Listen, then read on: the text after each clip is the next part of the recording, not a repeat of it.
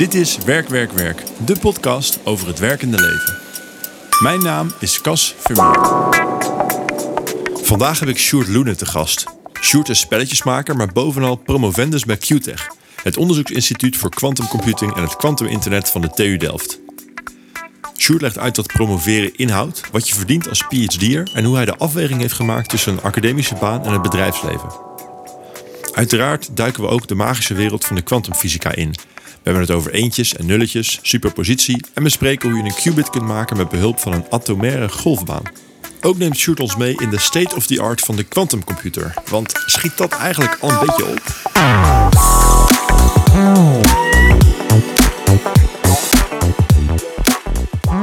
Uh, Sjoerd, super leuk dat je er bent. Bij mij in de woonkamer. Ja. Zitten we hier romantisch. Um, voor we de diepte induiken, kun je iets vertellen over wie je bent en uh, wat je doet? Ja, nou, ik ben dus uh, Sjoerd, zoals je al zei, Sjoerd Loenen.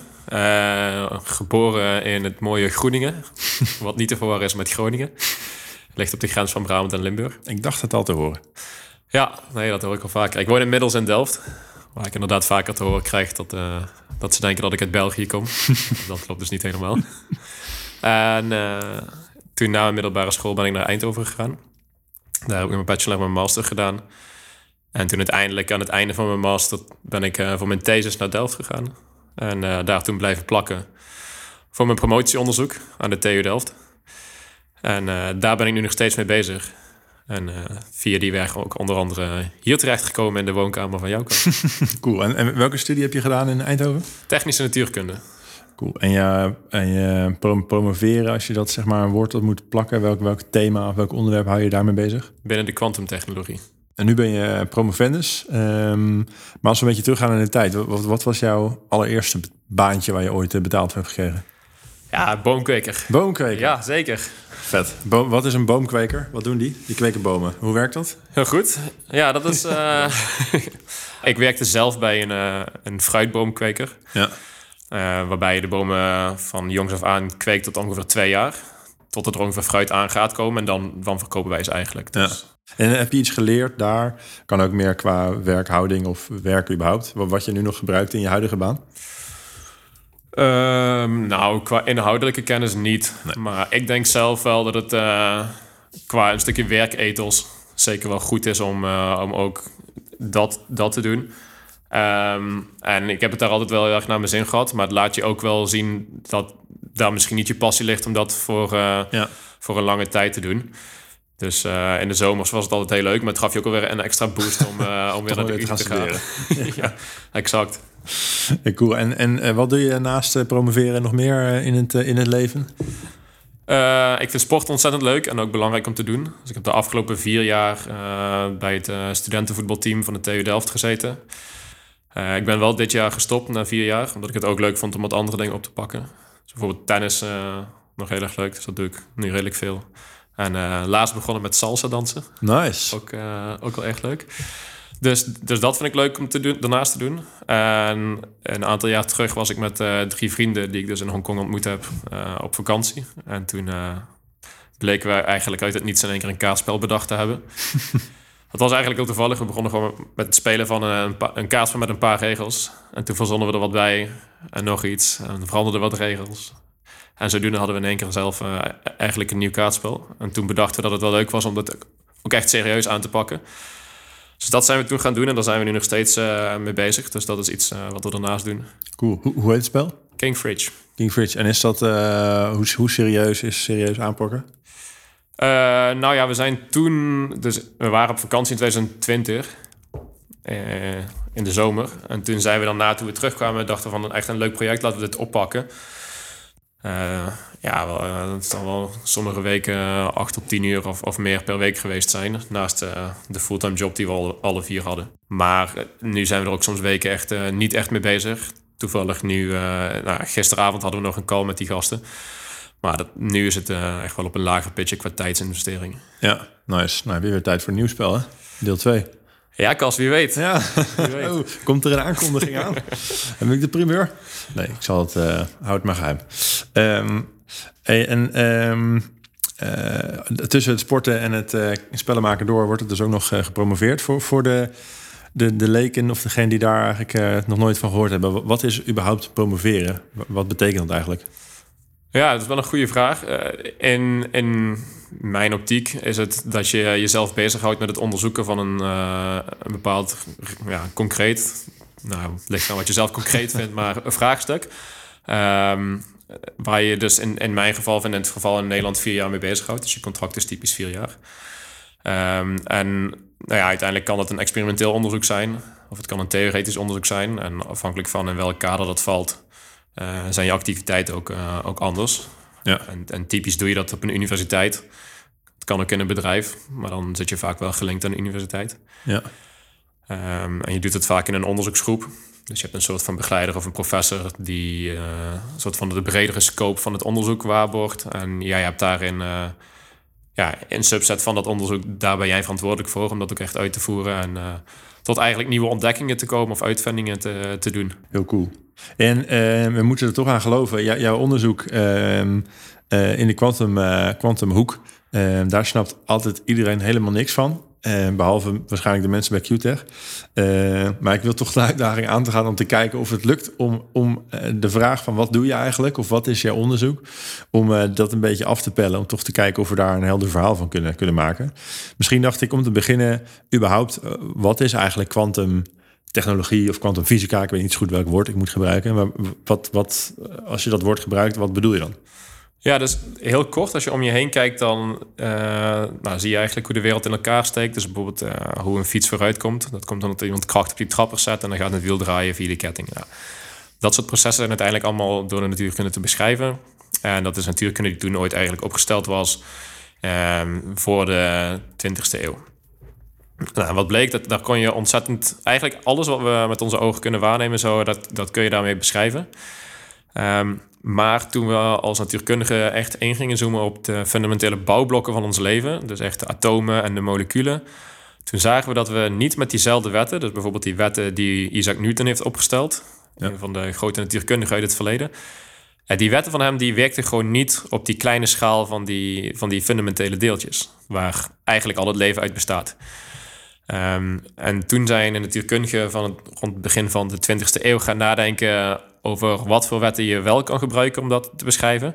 En daaruit is eigenlijk de hele kwantumfysica uh, ontstaan. En die kwantumfysica die beschrijft dus eigenlijk echt wat de natuurkunde is van alle deeltjes om ons heen. En dus ook van de mensen en, en de fiets waar ik het zojuist over had. Um, alleen als je dus op zo'n grote schaal gaat kijken, dan, ja, vooral, ja, dan is het zo dat die kwantumfysica zich eigenlijk presenteert als normale fysica. Maar wil je dus echt klein, de kleinste deeltjes gaan beschrijven, zoals, zoals het onderzoek wat ik doe, dan heb je dus die nieuwe wetten nodig van de natuurkunde die pas in het begin van de 20e eeuw ontdekt werden. Ja, dus, dus, dus als ik zou zeggen, kwantumfysica is de fysica van de kleine deeltjes, dat is eigenlijk te kort door de bocht. Dus kwantumfysica is eigenlijk een nieuw model wat zowel de, kleine, de kleinste dingen in het, in het leven, zeg maar de atomen en de moleculen kan beschrijven, als ook de, de meer macro-niveau, zeg maar onze, de dingen die we kunnen zien. Ja, dus eigenlijk wel. Het is alleen zo dat dat macroniveau, dat, uh, dat kun je ontzettend goed beschrijven door die andere natuurkunde, de, zeg maar de ja. klassiekere, de oudere natuurkunde te gebruiken. En die is conceptueel veel makkelijker en ook om door te rekenen is die veel makkelijker. dus praktisch gezien is dat misschien wat handiger. Exact. Maar in principe als je om je heen kijkt, dan zie je alleen maar kwantumfysica. Ja, want als echte natuurkundige wil je natuurlijk een, een wet is, is pas een wet als het altijd geldt. Dus dan moet het ook voor de kleinste deeltjes gelden. Ja. En dan komt de kwantumfysica om de hoek. Exact. Oké, en, en uh, binnen dat hele frame van kwantumfysica, wat is dan waar jou, jouw groep uh, aan, aan werkt? Ja, dus wij proberen kwantumtechnologie te maken. En uh, nou, er zijn verschillende soorten kwantumtechnologieën die je kunt maken. Dus ik kan denken aan sensoren, kwantumsensoren. En dat zijn sensoren die je in staat stellen om op ontzettend kleine schaal te, te, ja, te sensen, een sensor te bouwen. En een sensor die ontzettend gevoelig is. Dus sensoren die gevoeliger zijn dan de sensoren die je nu hebt. Uh, en en uh, ook op kleinere schaal werken. Dus echt uh, moleculen en atomen kunnen sensen. Dat is een van de technologieën waar we aan werken. Een andere technologie waar ik zelf meer in werk is kwantumnetwerken en quantum computing. En om daar heel kort te proberen eh, om een concreet beeld bij te geven. De computers waar we tegenwoordig mee werken, of de, de telefoons of waar je nu deze podcast op luistert, dat zijn apparaten die eigenlijk nog gebaseerd zijn op uh, die. Oké, ze gebruiken dus wel de kwantumfysica, maar uiteindelijk de processen waarop ze werken, dat is nog allemaal te beschrijven met die die klassieke natuurkunde. Ja.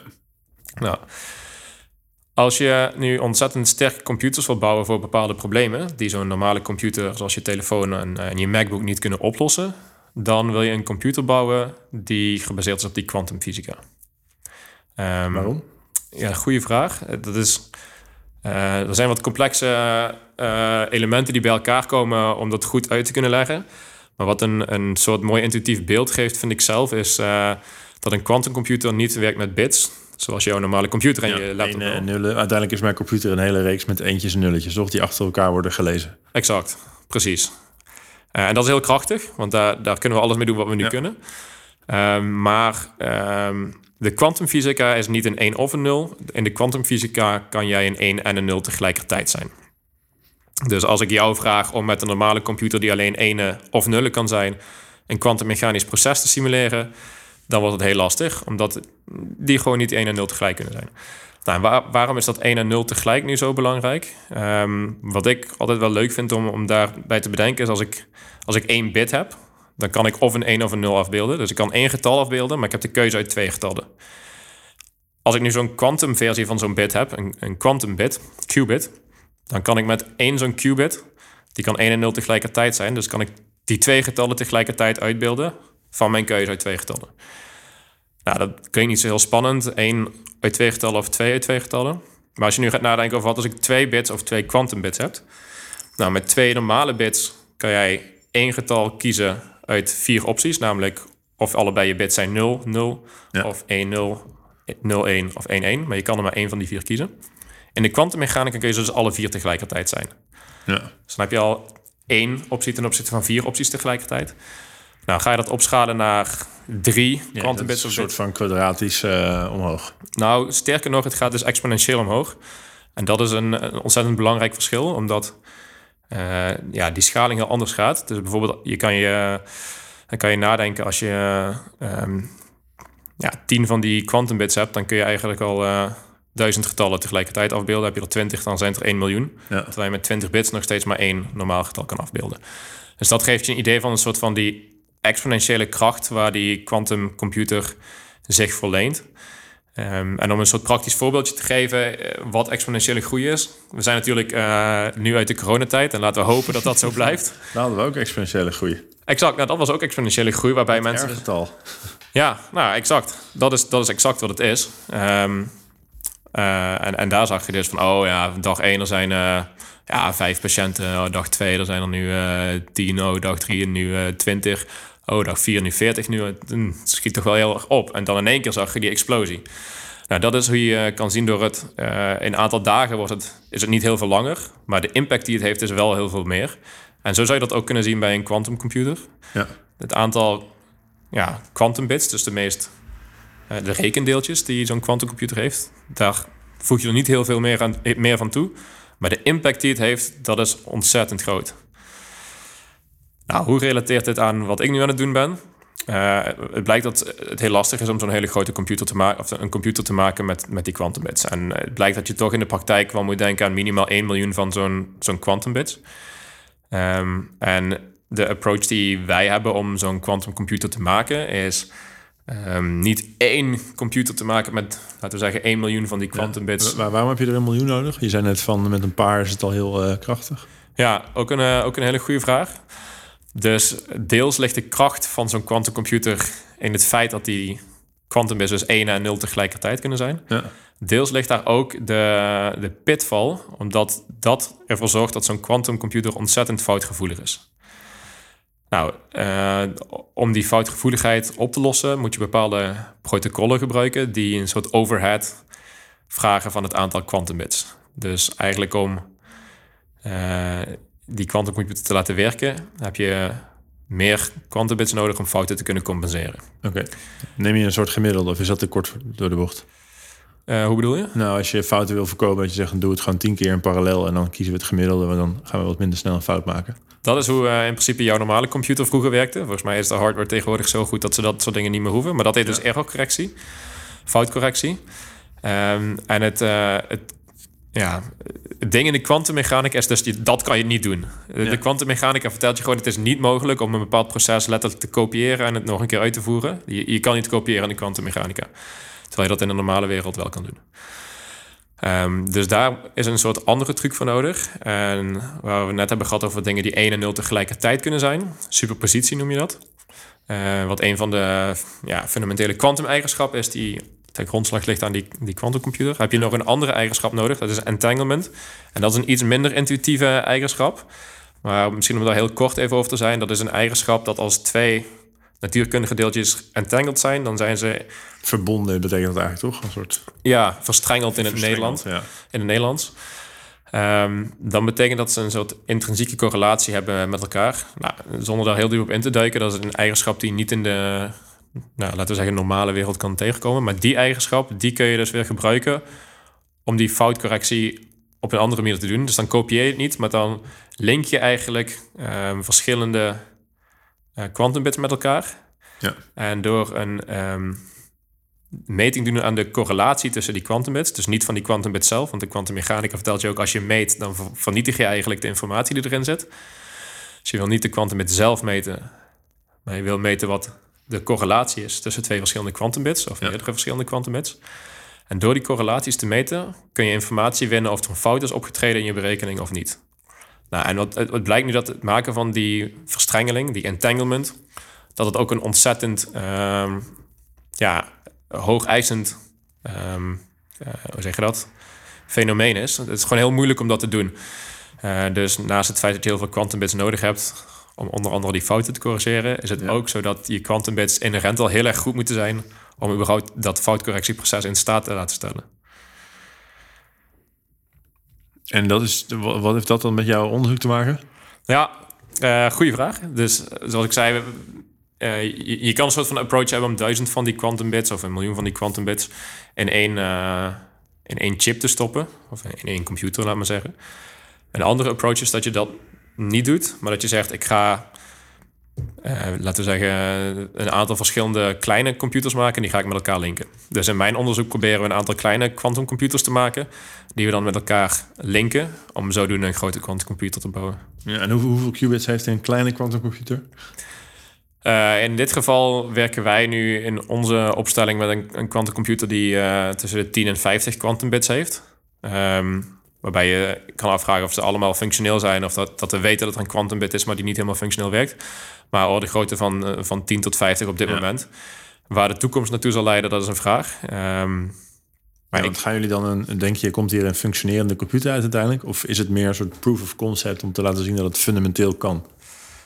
Ehm, ja, goed. Of uiteindelijk specifiek uit wat ik nu aan het doen ben, die, die computer eruit zal rollen. Ja, ik denk eh, dat wij meer aan de kant zitten van het fundamenteel eh, laten zien. Eh, en dat er misschien andere platformen binnen de quantum computing zijn die iets beter geschikt zijn voor het soort schaalbaarheid binnen één ehm, kleine quantumcomputer. Ehm, maar dat het systeem waar ik mee werk ontzettend goed is in het linken van die verschillende quantumcomputers. Dus eh, ik denk dat het voor mij sowieso de vraag is of zo'n quantumcomputer er überhaupt ooit komt, omdat het gewoon ontzettend lastig is om te maken. Ja. Wat het ook wel leuk maakt om eraan te werken. Ehm, maar als die er komt, dan zijn, kan ik me heel goed voorstellen dat het een combinatie is van verschillende platformen. Dus misschien om heel even goed het beeld te schetsen dat om zo'n quantumcomputer te maken kun je aan verschillende natuurkundige platformen werken. En ik werk aan één bepaald platform. Wat bedoel je met een platform? Ehm, ik, nou ja, dus, eh, ik werk bijvoorbeeld met vaste stoffen en defecten in die vaste stoffen. Dus bijvoorbeeld diamant. In diamant eh, heb je een aantal atomen, die zitten heel gestructureerd naast elkaar. Maar het kan voorkomen dat er een soort eh, atoom mist. En eh, daar kan een fundamenteel natuurkundig deeltje in, ge- eh, in gevangen worden. Een elektron. Stel het je voor als je op een golf, golfveld zit. Nou, dat is helemaal vlak, maar er ligt ergens een hol. En als die bal bij die hol in de buurt komt, dan wordt die daar gevangen. Ja. Nou, zo zou je dat ook kunnen voorstellen met dat elektron. En als die daar gevangen is, dan kan je die goed eh, besturen. Ja. Ehm, dus dat is één platform bijvoorbeeld. Andere platformen zijn om quantumbits te maken met supergeleidende materialen. Wat weer een heel ander veld is. Of met ehm, eh, bepaalde elektrische eh, ehm, voltages die je ergens kan zetten om op die manier Ja. zo'n elektron te vangen. Dus of, Dus verschillende platformen, je hebt eigenlijk hele, dat zijn eigenlijk hele verschillende methodes om uiteindelijk tot een qubit te komen. Exact. Ja, dat is denk ik een mooie manier om het te zien. En al die methodes hebben een soort van hun, hun sterktes en hun, uh, hun zwaktes of uitdagingen.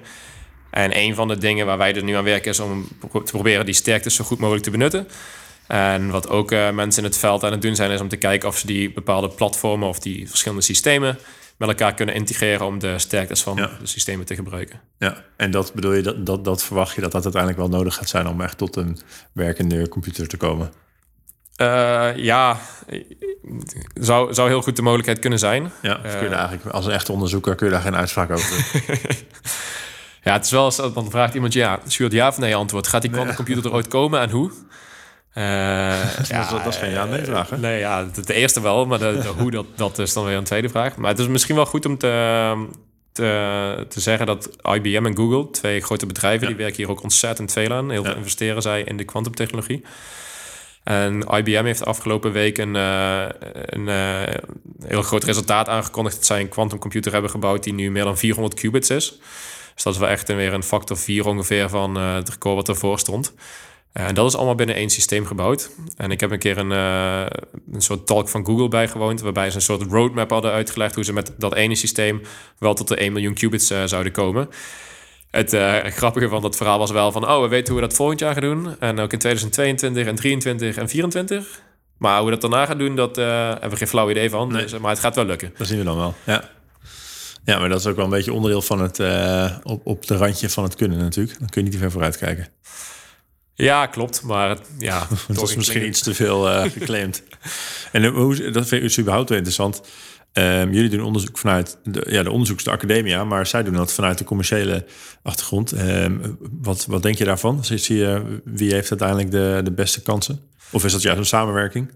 Uh, nou, er wordt ook wel deels samengewerkt, maar ook niet altijd. Wie de beste kansen heeft, nou ja, ik denk bedrijven als Google en IBM, die hebben gewoon een ontzettend grote monetaire uh, asset bij hen. Ja, en, ze gaan eindeloos veel geld tegenaan. Ja, en Microsoft ook, die investeert er ook heel veel in. En ik geloof er wel gewoon in. Dat, ik geloof er niet in dat je alles alleen maar kan kopen. Ik geloof er wel in dat geld het heel veel makkelijker maakt om bepaald goed onderzoek te doen. Nou, een van de redenen ook dat ik naar QTech ben gegaan en niet in een onderzoeksgroep wilde zitten waar geld een van de limiterende factoren speelt. Ja. Je moet altijd gelimiteerd worden door je eigen intelligentie, door niets anders. Uh, als, dat, als je gelimiteerd wordt door je eigen intelligentie, dan ben je eigenlijk goed bezig. Ja, nou, ik ben altijd goed bezig dan. maar goed, dat heeft een andere oorzaak. Ja, wie weet. Um, nou, ik ken je als een best intelligente vent, uh, Cas. Okay, bedankt. Nee, maar um, ja, dus die bedrijven, die, die, je ziet gewoon dat zij ontzettend uh, uh, goed bezig zijn. Die, die, die, bedrijven, dan zijn ook een aantal start-ups die zichzelf dan binnen de kwantumwereld oproepen. En dan denk ik soms van ja, het concept wat jullie hebben, daar, daar geloof ik gewoon echt niet in. En ook, ook een aantal andere mensen niet. Dus ik heb ook het idee dat er een soort hype is binnen die kwantumwereld om maar... Uh, oh, ik heb nu een quantum startup. Oh, fantastisch. maar cool. ja, de, de, vraag is of het echt super cool is. Maar goed, dat soort bedrijven hebben ook hele goede wetenschappers gewoon, uh, gewoon wel in dienst. En wat het misschien iets meer is dat wij ook nog echt wat meer de fundamentele natuurkunde misschien wat meer willen begrijpen. Terwijl ik me voorstel dat die bedrijven echt meer gefocust zijn. Oké, we willen dat target om die quantumcomputer te maken, dat willen we gewoon hebben. En ze maken zich misschien iets minder zorgen wat de problemen zijn om dat te komen, als die problemen maar opgelost worden. Ja. Terwijl wij, wij misschien iets meer kijken met oké, dit probleem is er. Hoe kunnen we dat probleem heel goed begrijpen? Ja, en jij wil misschien meer weten waarom is het een probleem en hoe werkt het eigenlijk. En bij hun is het misschien uiteindelijk van, nou, we weten niet precies hoe het werkt, maar het werkt wel. Dus dan is het prima. Ik, ja, ik zit natuurlijk zelf niet in zo'n bedrijf, maar ik, ik, kan me voorstellen dat dat meer de mindset is die zij hebben. Al om daar te komen moet je vaak ook de processen wel redelijk goed begrijpen. Ja. Maar het is natuurlijk wel uh, dat jullie uh, doen onderzoek, onder andere met veel onderzoeksgeld, maar wel met een soort van afspraak dat je je resultaten deelt. Zodat andere onderzoeksgroepen daarmee verder kunnen. En zo komen we met z'n allen steeds een stapje verder. Uh, maar een commercieel bedrijf um, nou, hoeft dat natuurlijk helemaal niet. Dus in die zin concurreren jullie wel een beetje met zo'n IBM. Je zou kunnen stellen dat het eigenlijk zonde is dat al het geld dat IBM daar stopt, ze beter in open onderzoek zouden kunnen stoppen. Nou, dat is niet helemaal waar wat je nu natuurlijk zegt. Uh, ik snap de gedachtegang heel goed, maar IBM en Google die publiceren ook gewoon in dit, okay. dit soort publicatie of wetenschappelijke artikelen. Dus zij delen hun kennis uh, in die zin ook wel, of in, in elk geval hun resultaten en hun bevindingen. Maar er zal waarschijnlijk ongetwijfeld iets uh, achter de hand gehouden worden of bepaalde patenten aangevraagd worden. Ja. Al moet ik eerlijk zeggen dat wij binnen de TU ook bepaalde patenten aanvragen als wij vette resultaten ja, hebben. Hoor. Dat is waar. Dus Ja, ik vind het zelf ook een beetje moeilijk om een heel concreet antwoord op te geven in hoeverre zij uh, daarin verschillen van, van universitaire instellingen. Maar ik, ja, ik geloof wel dat, dat zij gewoon. Maar er leeft dan in ieder geval niet een bepaalde vijandigheid of gevoel dat dat, dat, dat echt uh, niet goed is wat zij doen of zo. Nou, bij, bij, mij niet per se. Nou, het is alleen de vraag natuurlijk, als zij zo'n apparaat kunnen bouwen, hoe gaan ze dat dan zelf inzetten? Maar dan kom je iets meer op ethische vraagstukken uit. Ja, ja, die bewaren we even voor een andere aflevering. en uh, als je straks uh, klaar bent, nou je hebt niet zo heel veel, je hebt nog een jaar ongeveer. Uh, wat, wat is dan een concreet eindpunt wat je hoopt te bereiken? Moet er een bepaalde iets dan werken? Bij mijn PhD? Ja. Ja, we zijn dus nu een nieuw onderzoekstraject gestart naar dat nieuwe, nou, dat nieuwe systeem. En ik zou het heel vet vinden als we een kleine kwantumprocessor kunnen maken binnen dat nieuwe systeem. En dan ook op een andere manier dan dat we gedaan hebben op het systeem waar we de afgelopen jaren aan gewerkt hebben. Um, dus we zijn nu ook bezig om, uh, nou, die, wat ik dus gisteren had gedaan in de clean room. Um, dat zijn allemaal stappen die nodig zijn om dat te maken. Uh, wat ook iets nieuwer is en niet iets is als wat we al hiervoor helemaal exact gedaan hebben. Dus ik zou het heel vet vinden als dat gelukt is. Ja, dus een uh, nieuwe soort van kwantumprocessor op basis van de de, de, de, het platform en de laatste methodes die jij hebt ontwikkeld. Exact, ja. ja. En samen met mijn collega's dan natuurlijk. Samen met je collega's, ja, uiteraard. Uh, die verdienen ook de eer. Zeker. En, um, moet dat zo'n processor, uh, kun je daar een toetsenbord aan hangen en een uh, scherm en dan Mario mee spelen? Of, of werkt het niet helemaal zo? Is het niet zo'n computer? nee, dat werkt niet helemaal zo. dus dat is ook wel een goede vraag die je stelt. Dat mist misschien qua interpretatie wel eens bij de mensen, maar ehm, als ik het heb over die quantumcomputer, dan moeten we echt heel diep in de code eigenlijk om die, die computer te laten doen wat wij willen. Uh, terwijl jij als gebruiker zou je willen zeggen van oké, okay, ik, uh, ik wil dat je dit uitrekent en I don't care how you do it, as ja. long as you do, if you do it. Dus er is binnen de TU Delft en ook over de wereld zijn er eh, heel veel uh, werkgroepen die eraan werken om de soort abstractielagen te maken van hoe je nu zo'n quantumcomputer aanstuurt zoals wij dat doen.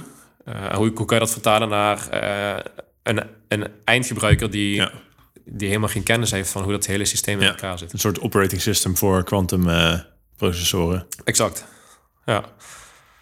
Maar dat doen jullie niet. Dus hoe ziet het er dan bij jou uit als je zo'n quantum processor kun je die dan wel iets, iets vragen of zo? Ja, die kun, uh, kun je wel eens vragen. Dus hoe dat bij ons werkt, is dat uh, nou, om die, die quantum bits, waar ik dus mee werk, te controleren, heb je laserpulsen, dus licht nodig. En uh, en microgolfsignalen. Dus je kan het voorstellen als een soort uh, heel geavanceerde magnetron waarin wij ja. onze quantumbits hebben. Zet je ook je lunch daar wel eens in of niet? nou, als ik daar mijn lunch zou zetten, dan zou mijn lunch ook uh, tot uh, ja, 270 tot graden onder nul gekoeld worden. Ah, ja. dus nou, als je houdt van een, een koude spaghetti of een koude boterham met, met pinda's, dan kun je dat wel proberen te doen. Maar um, Nee, maar dus hoe dat gaat, uh, hoe wij dat doen is, we hebben die apparatuur, dus die geavanceerde magnetron en die laserstralen. En die, uh, die kunnen wij als het ware aan en uitzetten wanneer we dat willen, door in, uh, in een soort Python-code, een programmeertaal, ja. te zeggen van oké, okay, ga uit of ga aan. En als je dat in een heel gecontroleerde manier doet, dan kun je ook de signalen die eruit komen, dus dat zijn enkele fotonen. Die uit de processor komen. Exact. Die kun, je, die kun je dan ook waarnemen. En wat, wat is een enkel foton? Dat kun je je voorstellen als jij nu een kaars op de maan zet, dan valt er van die kaars van het licht dat die kaars uitzendt. Licht is fotonen. Die zendt heel veel fotonen uit, maar één, er komt typisch één foton nog in je, in je oog. Dus eh, dat, dat is eigenlijk een soort maatstaaf voor wat een foton is. Sick. Uh, ja, heel bizar eigenlijk. Die moeten jullie dus meten? Opvangen, zeg maar. Die moeten wij dus opvangen, inderdaad. Dus uh, het lichtdeeltje van een... Eigenlijk moeten wij in staat zijn om een soort kaars op de maan te kunnen meten qua intensiteit. Maar dan wel een hele donkere ruimte. Ja, dus ja, ja een heel klein kaarsje. Ja. Exact. Um, dus dat is eigenlijk, ja, dat is eigenlijk, ik hoop dat dat een beetje je, je vraag beantwoordt. Ja, dus als ik het goed begrijp, um, als de processor dus doet wat jij verwacht dat hij doet, um, dat betekent dat bij een gegeven soort van signaal van lasers die jullie als input geven, zou je dan willen dat hij een bepaalde output geeft en die meet je en als dat klopt, dan heeft de processor zijn werk gedaan. Is dat, is dat een beetje samen? Ja, helemaal correct. En als je dus de laser input anders doet, dan moet er ook iets anders uitkomen. Ja, ja dus laser en, en microgolf uh, signalen. Ja, ja, sorry. Maar er zit een soort input-output relatie dus tussen. En die is eigenlijk, die, die kun je testen of dat klopt. Ja, zeker. Ja. Dus uh, in principe is het een beetje vergelijkbaar met een normale computer. Je, ja. hebt, uh, zodat je moet het systeem prepareren, zodat het klaar is om te doen wat je wil dat het doet. Dan moet je het, die dingen laten doen die jij wil dat het doet. En dan moet je het resultaat uit je berekeningen kunnen krijgen. Ja. Ja, dus dat zijn eigenlijk allemaal de stappen die je ook op een normale computer Nee, die doet. stappen zijn allemaal net even, net even een tandje ingewikkelder. Exact. Heel cool. En ehm, eh, nu ben je nog druk aan het PhD'en. Nou, dat is nog ongeveer een jaar. Nou, straks zit dat af. Dat ding werkt natuurlijk gewoon fantastisch. Ehm, en natuurlijk niet te vergeten, als je het hebt, dan haal je ook een bepaalde graad. Want volgens mij moeten je dan vanaf dat moment Dr. Loenen noemen. Nou, dat mag. Dat mag je doen. Maar die titel die eh, heb je dan inderdaad wel, ja. Dus dan ben je een echte dokter. Maar geen echte dokter, maar wel een echte dokter. Precies. Geen medische dokter. Eh, Ik zou het niet toevertrouwen om mij in je lichaam te gaan laten snijden. Oké, oké. En, en ehm, als promovendus, je werkt dus voor de universiteit. Wat, wat verdien je ongeveer? Was- Staat dat vast? Ja, dat staat vast. Sterker nog, dat kan iedereen gewoon opzoeken. Eh dat is namelijk een nationaal CAO waar alle promotiestudenten onder vallen. Ik heb straks even mijn loonstrookje uitgedraaid. September 2022. Bruto loon is voor mij 3098 euro. Ja, zo verdien je iets boven modaal. En zit er ook een soort verloop in, in je PhD? Of is het eerste jaar hetzelfde als het laatste jaar? Nee, daar zit een verloop in. Ja, dus weet je nog ongeveer waar, waar je, op- waarop je start in je eerste jaar? Poeh, ja, ik weet het netto, netto weet ik nog wel. Dat was eh, rond de 2000. Ja. En ehm, ik was ook benieuwd. ehm, op een gegeven moment ben je je master aan het doen. ehm, en dan ergens maak je een keuze van ik ga promoveren. Was het voor jou al lang? Wist je dat al jaren? Of is dat een soort van op het laatste moment nog eh, besloten? Ja, leuke vraag wel. Ik eh, zat in een luxe positie tijdens mijn studie dat ik altijd heel goed wist wat ik wilde doen. Namelijk, Ja. het was of een promotieonderzoek of eh, werken bij een strategieconsultant. En dat gaf me altijd best wel veel rust. Ik weet niet hoe, hoe dat bij jou zat, of jij eh, al vrij goed wist wat je wilde doen. Maar Nee, eigenlijk niet zo. nou ja.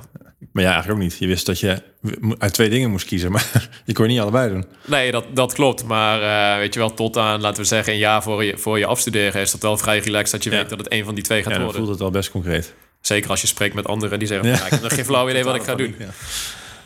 Dus eh, dat was heel relaxed. Totdat ik een jaar lang afgestudeerd had. En toen dacht, fuck it, ik wil het allebei niet meer. Oh ja, kan ook nog. En toen, eh, toen dacht ik wel even van, oké, eh, wat nu? Eh, ja, dus toen wist ik het even niet meer. En dan ga je... Ik heb toen voor mezelf op een rijtje gezet... wat ik echt belangrijk vind om, om naar mijn studie te gaan doen... en wat ik in een baan zoek. En daar kwamen eigenlijk vier concrete punten uit. Ik vind het vet om met inspirerende collega's samen te werken. Mensen die een drive hebben, die goed zijn in waar ze mee bezig zijn... en waar je wat van kan leren. Dus een, eh, en ook gezellig zijn. Dus een set aan toffe collega's. Ik vond het heel vet om, eh, om een technische kennis in te, zetten, in te zetten. Dus met wat ik eigenlijk ook in mijn opleiding geleerd heb... om daar ook iets mee te doen. Omdat Ja. ik al- altijd wel gewoon veel passie had voor wat ik deed in mijn eh, opleiding. Dus dat was punt twee. En punt drie was dat ik het heel vet vond om een positieve impact te maken op het milieu, over het klimaat. En punt vier was dat ik een baan zocht waarin ik mezelf op, ook op persoonlijk vlak kon ontwikkelen. Kun je eens heel snel langs die vier elementen gaan en uitleggen hoe je dan strategieconsulting en promoveren eh, daar in dat licht zeg maar ziet? Ja, zeker. Dus eh, het eerste punt was dat ik het leuk vond om met de inspirerende mensen samen te werken en Ja. die ook gezellig waren. Nou, ik denk dat je dat bij, eh, bij allebei heel goed kunt vinden. Ja, lijkt me ook. Ehm, dus ja, ik denk dat ze daar een soort van equal scoren. Nou, daarna het inzetten van je technische kennis en echt je natuurlijk ja, de inhoud van, van wat je in je studie geleerd hebt en wat ik ook nog heel vet vond. Ga je heel goed vinden bij een PhD. Ga je, denk ik, een stuk minder goed vinden bij een strategieconsultant. Dat wil niet zeggen dat je daar niet voor eh, ontzettend leuke intellectuele vraagstukken kunt staan. Maar die zullen wat, wat minder inhoudelijk eh, Ja, of meer commercieel, of maar in ieder geval minder technisch en natuurkundig. Ja. Exact. Nou, positieve impact op het milieu of klimaat. Ja, ik denk dat beide daar niet heel erg hoog op scoren, maar ook niet per se negatief. Dus dat is een soort compromis. En een stuk waar je jezelf kan ontwikkelen. Ik eh, dacht eigenlijk dat de strategieconsultant daar veel hoger zou scoren. Ja. Dat is misschien nog steeds zo, maar wat ik eigenlijk dacht is dat, dat een PhD daar heel laag zou scoren. Eh, en toen ben ik gewoon ook wat gaan kletsen met andere mensen die een PhD doen en die, eh, die gaven aan dat zij juist het gevoel hebben dat ze zichzelf ook ontzettend veel kunnen ontwikkelen. En ik moet eerlijk zeggen dat ik die mening heel erg deel na drie jaar. Ja. Nu heb ik natuurlijk geen ervaring als strategieconsultant, dus ik kan het niet zo goed één op één vergelijken. Ja. Maar eh, ja, zeker ook eh, in een PhD zijn er zeker heel veel mogelijkheden om jezelf te ontwikkelen. Het is misschien alleen dat je die kansen iets meer zelf moet aangrijpen. Ja. En daar bleek toch nog wel dat de PhD gewoon voor mij op dat moment de beste keuze Ja. was. Uh, ik zag ook dat jij uh, ook een lecture hebt gegeven een tijdje terug over je onderzoek. Dus dat je echt voor een hele zaal een soort lezing gaf om mensen mee te nemen in de wereld van de kwantumtechnologie. Ehm, doe je dat vrijwillig? En, en is dat ook zo'n zoiets wat je doet als soort ontwikkeling? Ja, zeker. Dat is, ja, dat is ook wel zoiets als je dat zelf tof vindt, dan kun je dat doen. En ik denk dat ik doe mijn promotieonderzoek bij QTech. Dat is een van de grotere kwantuminstituten van de hele wereld ook. Uh, en die hebben ook, dat is ook wel een van de redenen dat ik daarvoor gekozen heb. Dat ze een soort algemeen doel hebben waarbij heel veel onderzoeksgroepen aan dat doel samenwerken. Nou, en zij is ook redelijk professional opgebouwd en ze hebben een soort outreach team.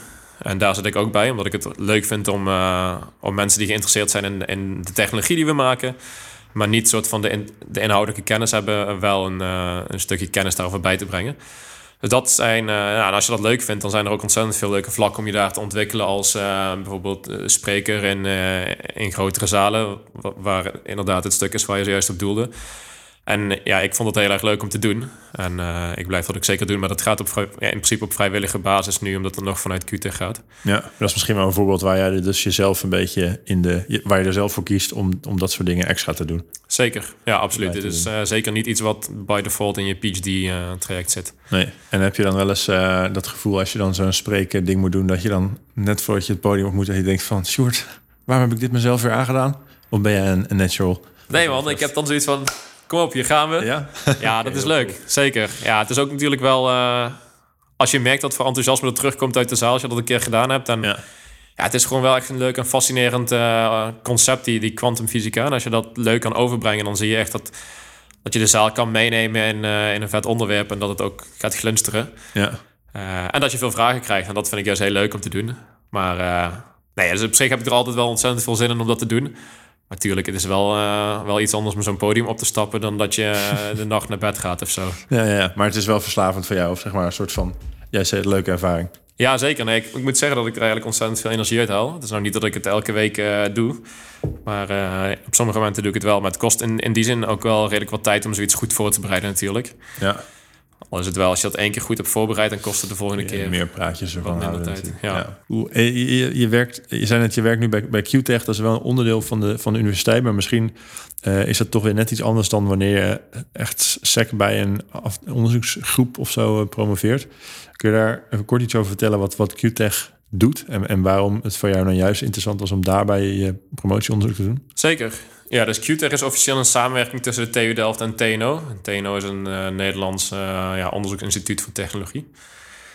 En die hebben in ja, pak een beet, volgens mij 2014 of zo, gezien dat er waarschijnlijk een hele goede toekomst zit in kwantumtechnologie. En dat het ook belangrijk is om daar veel kennis over te vergaren om ja, eigenlijk pionier te blijven op dat gebied. Dus zij zijn toen een samenwerkingsverband aangegaan om een, uh, een soort instituut op te zetten dat uh, het doel heeft om een prototype van een bepaalde kwantumtechnologie te ontwikkelen uh, en daar verschillende onderzoeksgroepen aan dat gezamenlijke doel te laten werken. En dat is denk ik iets anders dan uh, een, laten we zeggen, normale onderzoeksgroep binnen een universiteit, omdat zij volgens mij wat meer op hun eigen onderzoek leunen, dat iets minder in het geheel staat van een groot instituut. Nou, waarom ik onder andere voor QTech gekozen heb, is omdat uh, ik erin geloof dat het goed is om met een grote groep aan een bepaald onderwerp te, te werken. Je kunt namelijk veel leren ook van anderen en dat, dat stimuleert je eigen onderzoek. En ik moet zeggen dat ik dat ook erg in de praktijk merk nu. Ja. Veel verschillende mensen die bij ons werken. En ja, als je even geen kennis hebt over een bepaald stuk, dan loop je naar... Uh, de buurman. Exact. En dan zeg je, hoe is dit? En het mooie aan een PhD is dat over het algemeen iedereen super blij is en uh, ook bereid is om veel tijd vrij te maken om je te helpen. En dat er niet zo gerekend wordt van, oh, uh, ja, je hebt nu een uur van mijn tijd, dat ga ik even in uren rekenen en dat moet ik ergens opschrijven. Nee. Um, dus, dus dat en wat ook een ontzettend sterke factor is, is dat naast het, zeg maar, de onderzoeksteams die wij zelf hebben, ook uh, ontzettend goede supportstaf is. Dus we werken bijvoorbeeld met bepaalde uh, cryogene omgevingen. Dus dat zijn um, bepaalde apparaten die uh, nou ja, de temperatuur kunnen laten afkoelen tot ongeveer wat het de temperatuur van de kosmos is. Of nou, bijna tot het absolute nulpunt. Ja, ze hebben het over min 270 uh, graden. Pittig, pittig koud. Exact, ja. En er zijn nog bepaalde apparaten die nog een stuk kouder kunnen. Maar goed, dat zijn ontzettend complexe apparaten. Uh, die veel specifieke kennis vereisen. Dus daar hebben we een team voor in-house. Uh, ook over elektronica, wat ontzettend belangrijk is om onze apparaten te laten werken ook een in-house team van. Sowieso nog bepaalde set aan technicians die erg geskilled zijn. Die helpen bij het bouwen van laboratoria. En, en dat zie je gewoon dat. en een workshop die heel veel goede, goede nou ja, apparaten maakt die, die je nodig hebt. Ja. En dat soort backbones, ik denk wel dat het gewoon heel erg waardevol is voor een organisatie zoals Qter. Um, dat en ook uh, wat ik merkte tijdens mijn stage in Oxford. Ik dacht, nou, Oxford leek me heel vet om daar een ervaring op te doen. Uh, maar toen ik daar zat, merkte ik wel dat... Nou, ik had een bepaald onderzoek en daar had ik een apparaat voor nodig... wat iets van 8000 euro kostte. Maar goed, ze hadden er maar eentje te weinig. Dus ik moest toen heel met iemand anders dat apparaat gaan switchen... waardoor je onderzoek gewoon niet echt lekker gestroomlijnd liep. Toen dacht ik, ja, als dat ding nou 8000 euro kost uh, en je kan daar iemand veel efficiënter voor laten werken, dan is dat de investering sowieso waard. En ik sprak toen ook met andere mensen die zeiden ook, ja, 8000 euro op zo'n budget, dat is, dat is eigenlijk helemaal niets. Maar dat wilden ze toen niet investeren. En uh, nou ja, QTR zit denk ik wel redelijk goed in de, in de financiën. Uh, en dat helpt ook wel om je onderzoek gewoon sneller en efficiënter en effectiever te laten lopen. Ja. Dat je sneller bepaalde apparaten kan bestellen die je gewoon echt nodig hebt. Dus je mag ook gewoon met, met de mooiste spulletjes spelen, om het even simpel te zeggen. Ja, ja, met de mooiste en de nuttige uh, spullen ja. Dus, ja, uh, sorry, de nuttige sorry. Moeten niet uh, ruzie maken met QTech natuurlijk. En, en um, zou je ons eens mee kunnen nemen in, in een dag uh, in jouw leven als promovendus uh, bij QTech? Gewoon wat je allemaal in zo'n van s ochtends vroeg tot s avonds laat, wat je allemaal uitspookt. Zeker. Zal ik uh, vandaag de dag uh, lekker met je doornemen? Ja, dan weten we in ieder geval waar die eindigt. Ja. ja. Nou ja, dat is nog te vraag toch? Nee, vanochtend... Uh, dus ik zat eigenlijk gisteravond in een call met die gasten over dat, uh, over dat spel. Om een uh, nieuwe order te gaan plaatsen. En toen heb een collega van me of ik zin had om morgenochtend te tennissen. Dus vanochtend.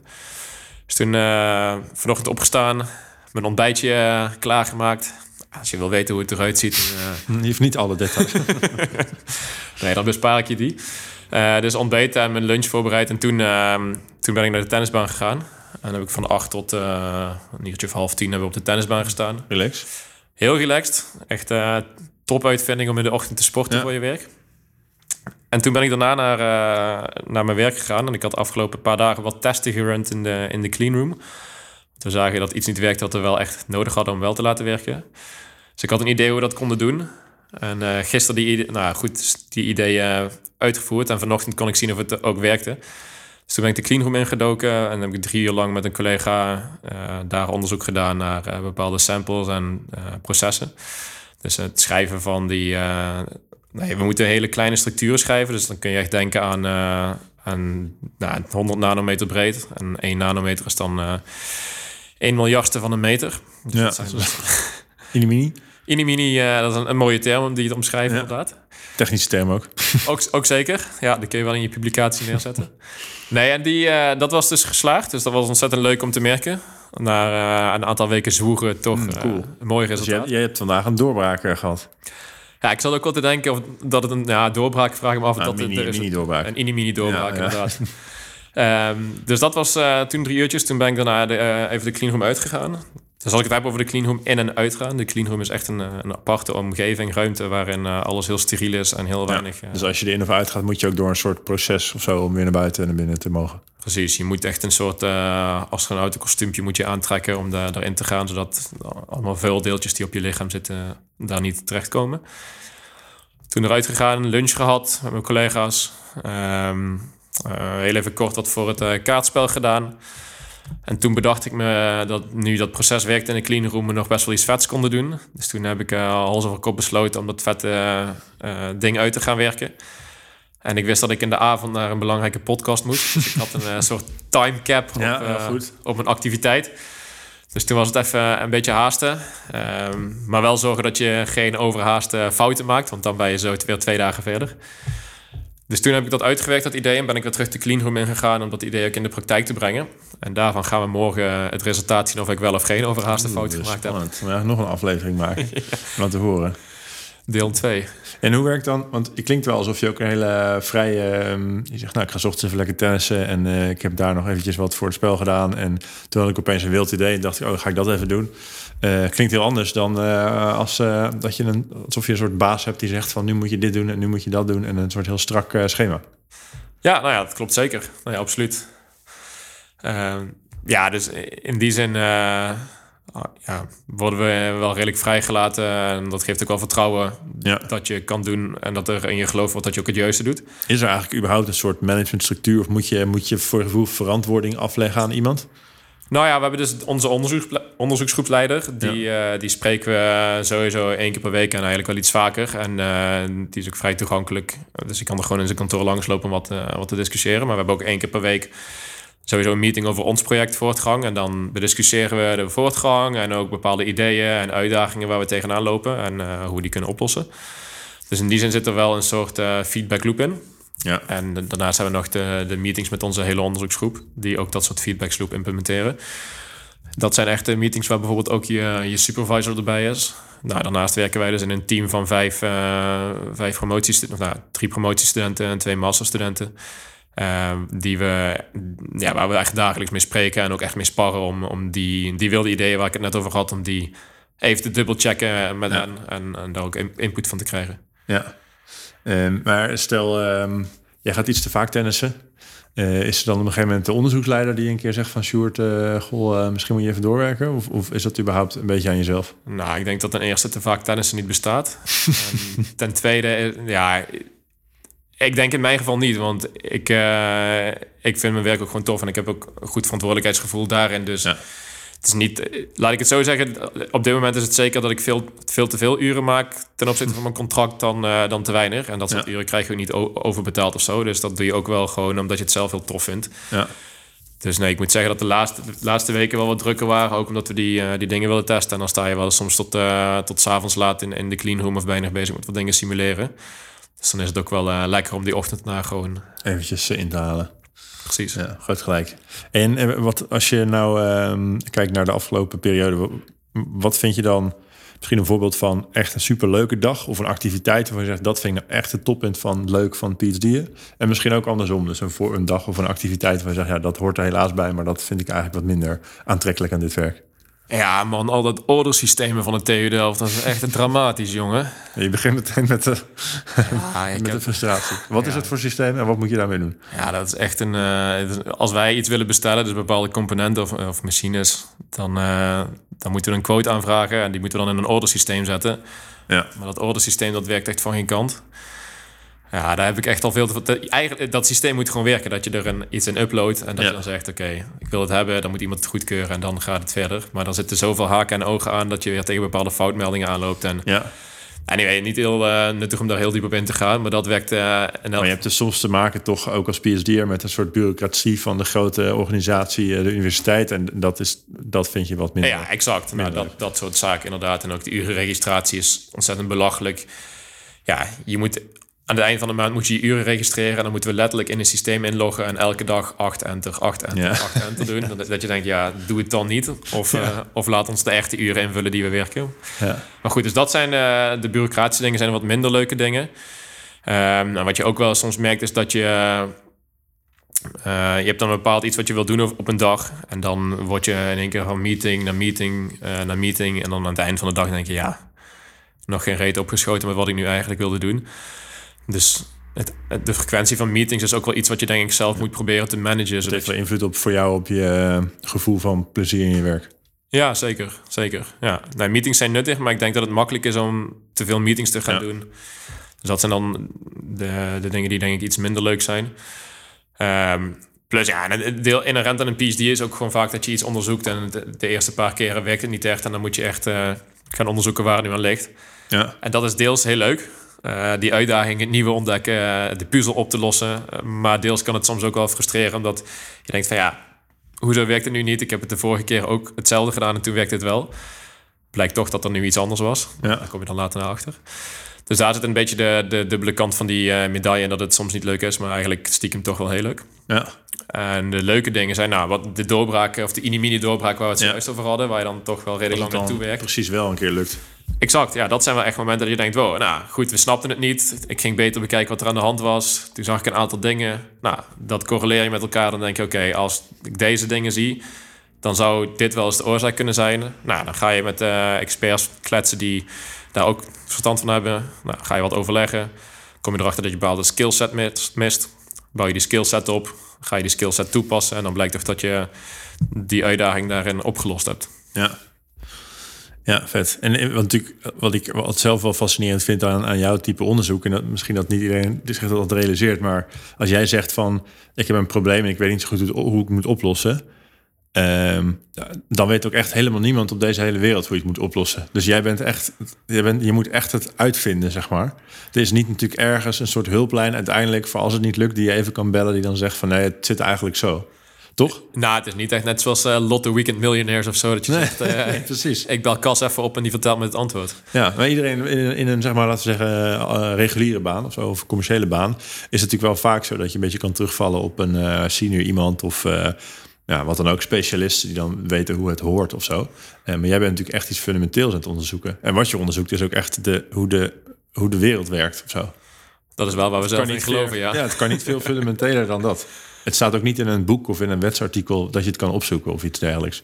Nee, nee, inderdaad. Dus in die zin eh, zou je kunnen zeggen dat soort van de, de wetten die de natuur omschrijven, die zijn er wel. Maar hoe die wetten zich dan altijd aan je laten zien, dat, en hoe je ze goed kan gebruiken, dat is niet heel duidelijk. Nee, ja, dat is jouw dat is onderzoekje, zeg maar. Exact, dus dat, dat klopt helemaal. Eh, dus in die zin klopt het deels wat je zegt, dat, dat er niet iemand is waar je, waar je het antwoord aan kan vragen. Want als dat zo zou zijn, dan snap je niet waarom een PhD vier jaar zou duren. Ja, en hoef het niet meer te onderzoeken. Dan Exact. het. Maar eh, over het algemeen ehm, zijn er... eh, dus hè, je, je bent een bepaald onderzoek aan het doen... en je weet wat je als uitkomst wil... maar je weet niet hoe die weg zich daar naartoe gaat leiden. Maar op die weg naar die uitkomst... kom je wel tegen bepaalde conceptuele vraagstukken aan... die over het algemeen binnen de onderzoeksgroep... of binnen het instituut... eh, al vaker, al dan niet helemaal of deels... Ja. ehm, begaan zijn... En dan is het zaak dat je dat snel weet te identif- identificeren wie daar Ja. ooit mee gewerkt hebben en daar snel mee gaat kletsen. En dan lekker een soort van brainstorm sessie, lekker je gedachten de gang laten gaan om erachter te komen. Dus ja, het is zeker zo dat het nog, nog nooit eerder gedaan is. Het is ook wel zo dat, dat je zelf handig kan zijn om wel te kletsen met mensen die al ervaring hebben binnen datzelfde Ja, vakgebied. misschien dat soort van de, de subproblemen waar jouw hoofdprobleem uit bestaat, die zijn misschien natuurlijk wel weer door iemand anders al een keertje opgelost. Ja, Nu ben je natuurlijk een PhD. En, en, en dan? Ga je dan denk je door in het, in het onderzoek? Of wil je dan alsnog eh, de strategie consultant in? Of eh, waar, waar zie je jezelf heen gaan? ja, dat vragen mensen me tegenwoordig wel iets vaker. Ja, het begint eraan te komen. Ja, klopt. Eh, ik, weet, ik weet het oprecht nu nog niet echt. Ja. Ik vind het werk wat ik nu doe ontzettend leuk. Als je nog doorgaat in de academische wereld, dan uh, daar moet je denk ik wel goed over nadenken. Want typisch is het zo dat je... Nou, ik heb een PhD dan in Nederland gedaan. Ja. Typisch ga je uh, postdoc, dus wat je na je PhD doet, ga je dan in het buitenland doen voor twee jaar misschien. En dan als je er nog verder in door wil, dan moet je waarschijnlijk weer twee jaar ergens anders naartoe. En dan op een bepaald punt wil je toch een soort van uh, vaste positie ergens hebben. Nou, en dan hangt het er maar net vanaf uh, of die positie ook vrij is op de plek ja. waar jij die wil hebben. Dat is echt de klassieke academische ladder die je dan zeg maar doorloopt, toch? Ja, inderdaad. Um, en ik weet gewoon niet of ik er zin in heb om twee jaar naar... Kijk, het buitenland gaan klinkt allemaal heel vet... maar ik moet er goed over nadenken of dat wil. Zeker ja. als ik twee jaar ergens naartoe ga... en dan weer twee jaar ergens ja. naartoe ga. Zo'n bepaald uh, soort van uh, nomade bestaan wat je dan aangaat. Ja, ik denk ja, in die zin wel. En zeker ook als je dat misschien samen met iemand wil doen of zo... dan ja, ja. moet er ook een soort van common interest zijn om dat te gaan doen. Uh, desalniettemin klinkt nog steeds als een heel toffe optie enerzijds. An anderzijds is het natuurlijk ook wel zo... Ja, het werk wat je nu als PhD aan het doen bent, dat is anders dan het werk wat je uiteindelijk als bijvoorbeeld onderzoeksprofessor aan het doen bent. En daar komen ook heel veel andere facetten bij kijken. En typisch wat ik nu lijkt te zien is dat um, professoren wel echt ontzettend druk zijn. Um, ja, je moet je ook afvragen of, of je dat leven uiteindelijk uh, helemaal bij je past. Um, oh, ja, dat zijn. Ik denk dat ik daar zelf wel een concreet antwoord voor me wil hebben voor, voordat ik de keuze maak om nu nog twee jaar een postdoc te gaan doen en vervolgens ja. weer uit de academische wereld te gaan. Ja, uiteraard. Dat is misschien zonde, bedoel je? Ja, ik denk dat het voor mij wel zo is dat ik of ik ga een postdoc doen ook met het idee om de academische wereld in te blijven. Ja, of, of ik, of ik ga er nu uit. En als ik eruit wil gaan, dan zou zit ik eigenlijk wel meer te denken om naar een, uh, een of een start-up te gaan die iets met een uh, technische know-how kan om uh, nou, toch het positieve impact op het klimaat te, te bereiken. Um, of gewoon vette techniek maakt. Um, of, of misschien in een groter bedrijf te gaan werken dat, dat hele vette techniek maakt. Ja, en dan in de kwantum of, of hoeft dat dan niet per se? Uh, dat hoeft niet per se, maar het kan een hele leuke optie zijn. Ja, maar dat is commercieel natuurlijk wat kleiner. Behalve je zijn het uh, Google, IBM uh, en Microsoft die dat, doen dat. Maar het is natuurlijk niet iets waar je bij, bij Philips of zo wordt het waarschijnlijk al lastig om in de kwantum techniek te stappen. Ja, dus inderdaad. En als je in die bedrijven gaat, zoals Google en IBM, dan zit je vaak ook nog, toch nog wel een beetje in de academische Hoek, soort ja. setting. Nee, ja, er zijn nu, nu wel heel veel, wat ik net zei, heel veel quantum startups. Maar ja, daar moet je denk ik soms goed over nadenken of die eh, ook wel echt kunnen leveren op wat ze, wat ze beloven. En dat het niet alleen is dat ze willen meeliften op de hype. Dus daar moet je denk ik heel kritisch naar kijken. Ja. En eh, het klinkt alsof, en eh, logisch ook dat het nu nog best wel open is, maar hoe denk je dat je die, dit proces, hoe, hoe, hoe ga je die keuze maken? Eh, ja, ik moet eerlijk zeggen dat ik me daar nu niet echt heel erg druk op maak. Ik Ja. vind het ook wel relaxed om... eh, Klinkt als een herhaling van zetten. ja, nee, ja. Dus je, gaat het, je laat het weer aankomen tot het moment dat je denkt van, eh, oh, oh, misschien wil ik het allemaal wel niet. ja, maar ja, de vorige keer werkte dat moment Ja. best goed. Want ik heb, het nu, uitgepakt. ja, ik heb nu heel erg naar mijn zin. Ja. Dus uh, nou ja, wat denk ik gewoon heel erg helpt is om met, met mensen te kletsen die een beetje in dezelfde situatie hebben gezeten en die dezelfde interesses hebben. Dus ik denk dat ik dat ga doen. En ik hou me nu wel bezig om soms naar bepaalde events te gaan van dingen die ik interessant vind en mijn ogen open te houden. ja, een beetje exploren of oriënteren wat er allemaal is. Exact, ja zeker. Ik was laatst een keer naar een eh, Nationaal Fotonica-event in, eh, in Nederland. Omdat ik denk dat optische, nou fotonica, dus werken Ja. met licht, gewoon heel interessant is. Ja, dat is natuurlijk al een iets meer mature, eh, iets verder gevorderd veld. Ja, klopt. Eh, dus dat, dat soort, eh, als dat soort opties zich aanbieden, dan vind ik het leuk om daar wel naartoe te gaan. Ja. Ja, cool. En, en als we de, het omdraaien, dus niet, we keken net een beetje naar voren, maar als je nou terug in de tijd kon reizen en je zou de Sjoerd die net is afgestudeerd, die nog misschien twijfelt over wat hij eh, in die drie maanden vakantieperiode, zeg maar, ehm, en je zou jezelf nog een eh, advies kunnen geven van op basis van de dingen die je de afgelopen jaren hebt geleerd in het, in het werkende leven. Ehm, is er dan iets wat je te binnen schiet wat je dan zou willen dat je toen geweten had? Poeh. Nou, ik moet eigenlijk filosofische vraag. Wat zeg je? Hele filosofische vraag. Ja, nou, ik ga er op zich altijd eh, als volgt mee om. Als ik een keuze moet maken die best belangrijk is, dan probeer ik op dat moment gewoon alle informatie die ik heb op een rij te zetten. En eh, met die informatie een eh, goede afweging te maken. En die, nou, aan de hand van die afweging ook de keuze te maken. Nou, en dan ga ik die keuze ook doen. En als achteraf blijkt dat die keuze misschien niet optimaal was, met informatie die ik pas daarna gekregen heb, ja, dan heb ik ook nooit zoiets van dat, dat je jezelf kan kwalijk nemen. Want ja, Nee. op dat moment heb je gewoon de beste keuze gemaakt. Dus in die zin heb ik eigenlijk van nou, niets in mijn leven spijt wat ik nu... eh al zou ik ook niet per se grote dingen anders doen. Ehm, het is misschien wel, als, je nu, als ik nu terugkijk... eh, dat, je soms misschien wat eerder het besluit kunnen maken... om te stoppen met tijd te stoppen... in een bepaald subdeel van je onderzoek... of van, eh, van wat je aan het doen was. Ehm, en eh, eerder de, conclusie te trekken van... oké, eh, werkt niet. We gaan nu door naar iets wat wel potentie heeft om te werken... in plaats van werkt niet en waarom werkt het helemaal precies niet... Ja. Dus ja, in die zin eh, een stukje eh, leren om efficiënt en effectief te werken. Dat is Ja. denk ik wel iets waar ik de afgelopen jaren in gegroeid ben. En wat ik, als ik die kennis nu zou hebben, dan zou ik dat direct al toegepast hebben in het begin van, eh, ja. van mijn carrière. Cool. En dat is wel een mooie en wel een belangrijke skill natuurlijk ook om, om te leren. Dus die, nou ja, het is wel tof dat je die dan in ieder geval kan meenemen in ook het vervolg van je carrière. Ja, absoluut. Ja. ja, dat is ook wel iets wat je goed leert van collega's, denk ik. Je ziet Ja. gewoon dat anderen daar ontzettend goed in zijn. Ja, vet. Cool. Eh, nou, dan eh, ik wil graag heel erg bedanken, eh, Sjoerd, voor het delen van jouw fascinerende verhaal en ook van de kennis van de kwantumtechnologie. Ik vond het in ieder geval razend interessant. Ehm, als mensen jou nog iets willen vragen over PhD'en of, of alle vragen over kwantum, ehm, dan kunnen ze ja, het beste volgens mij even via LinkedIn met jou connecten. Sjoerd Loenen. Je kan hem gewoon vinden. Ehm, stuur even een connectieverzoek en vermeld daarbij even dat je Sjoerd via de podcast hebt gehoord. Anders word je genegeerd door Sjoerd, heeft hij me verteld. Ja, precies. Ehm, en ehm, nou ja, hartstikke eh, bedankt. En ik hoop dat ik je dan eh, over een paar jaar opnieuw eh, mag interviewen... bij waar je dan ook uithangt in de, in de techniek. ja, lijkt me superleuk. En Bedankt voor de uitnodiging, Kals. Ik vond het zelf ook superleuk om te doen. Cool, En, leuk om hier in de woonkamer te zitten. gezellig.